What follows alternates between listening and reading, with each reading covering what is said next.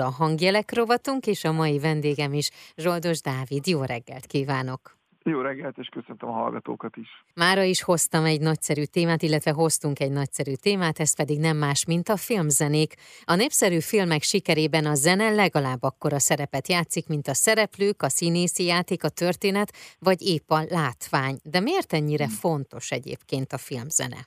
Hmm. Hát a film, tehát a mozgókép és a zene kapcsolata az tulajdonképpen a nulladik pillanattól adott volt hiszen ne felejtsük el, hogy néma filmek voltak először, amelyeket zenével, méghozzá élő zenével kísértek, rengetegen zongoráztak mozikban, és tulajdonképpen azt is lehet mondani, hogy a zenészek egyik első ilyen foglalkoztatási krízisét hozta el az, amikor már nem kellettek a mozikba a hangszedes muzsikusok, hiszen megszólalt maga a celluloidra rögzített hangsáv. De a zenének a hangulatkeltő eleme, vagy egyáltalán a fontosság az egyáltalán nem tűnt el későbbiekben sem. Egyébként meg kell említeni, hogy, hogy Magyarország stúdiózenészekben és a a filmekhez készülő zenékben eh, kifejezetten nagy hatalom. Több stúdió is komoly Hollywood és Netflixes és egyéb produkcióknak készíti a zenét, és nem csak a feljátszás kerül Magyarországon sorra, hanem, hanem sokszor magyar zeneszerzők is részt vesznek a, a, a muzsikák megalkotásában. De tényleg vissza, hogy a, uh-huh. hogy a klasszikus zene, illetve a filmzenék hogyan kapcsolódnak, hát hogy a 30-as, 40-es években az a zenei nyelv, az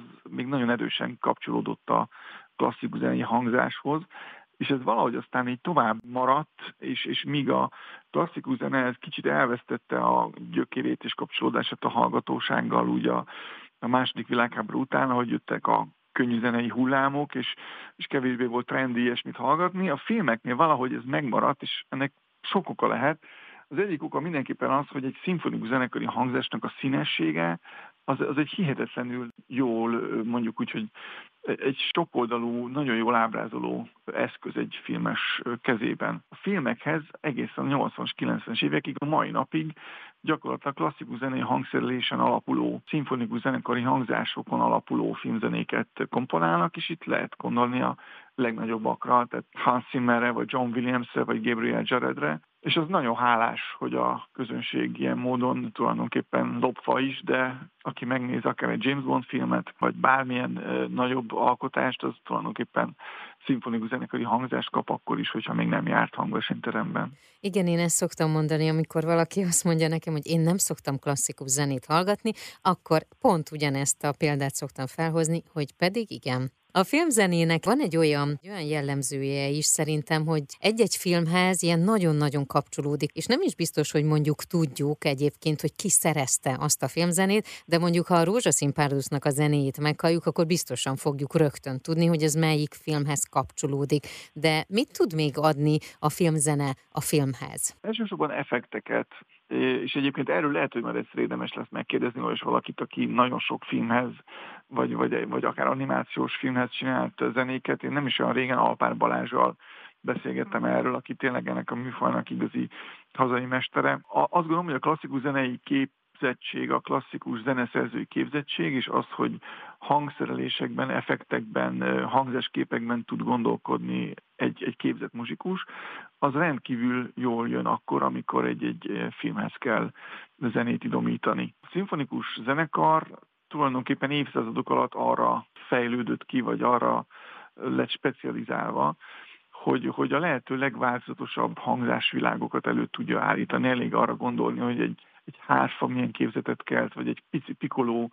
madárcsicsergéssel, hogy a Bartók második zongora versenyben madárhangokat utánozott, és ezt még mhm. mehetnénk vissza az időben ezekre a nagyon érdekes hangutánzásokkal, tehát ez a vágy, hogy a zene az, az lerajzoljon valami történést, az, az, az szinte egyidős a szimfonikus zenekar kialakulásával, és a filmek tulajdonképpen csak ezt az adottságot használják ki. Ugye eddig említettünk külföldi filmzeneszerzőket, és megemlítettünk egy magyar filmzeneszerzőt is. A legjobb eredeti filmzenéknek ugye Oscar díjat is osztanak már 1935 óta, és akkor itt ugye John Williams-et kiemelhetjük, aki 47 alkalommal kapta meg egyébként a jelölést, és aztán ugye ebből jó sokat váltott díjra, de Rózsa Miklós magyar származású zeneszerző 16 alkalommal jelölték díjra, és háromszor nyerte el.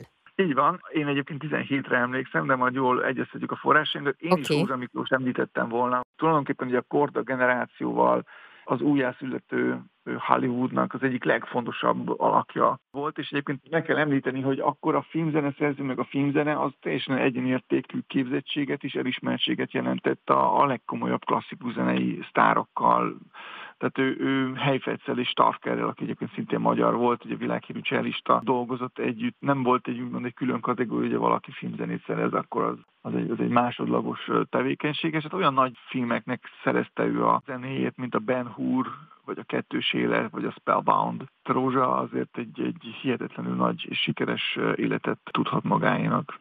Neked van-e kedvenc filmzenéd? Nagyon sok filmzenét szeretek, és van néhány kedvenc filmzene szerzőm is, és azt gondolom, hogy nem okozok majd nagyon nagy meglepetés, hogy a felsorolok néhány nevet. Azt gondolom, hogy John Williams az, az megkérdőjelezhetetlenül egy szenzációs figurája ennek a szénának nem hiszem, hogy a klasszik rádió hallgatóinak különösebben el kell magyarázni késő, hiszen körülbelül óránként egy-két filmzenét tőle mindenképpen hallhatnak.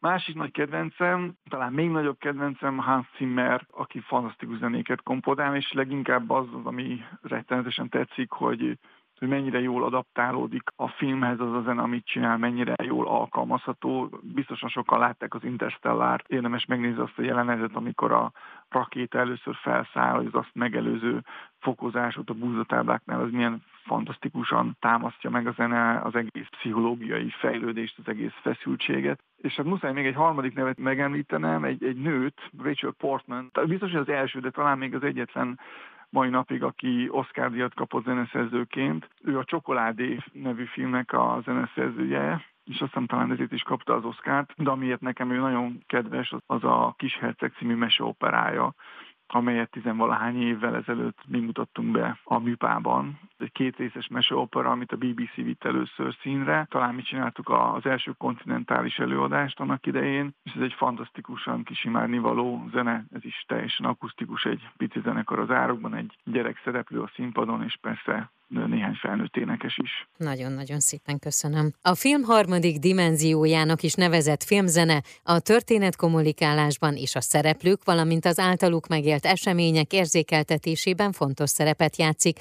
mégis sokszor nem veszik figyelembe valódi jelentőségét. Ezt remélem, ezt a tévhitet már eloszlattuk. Az elmúlt percekben Zsoldos Dáviddal beszélgettem.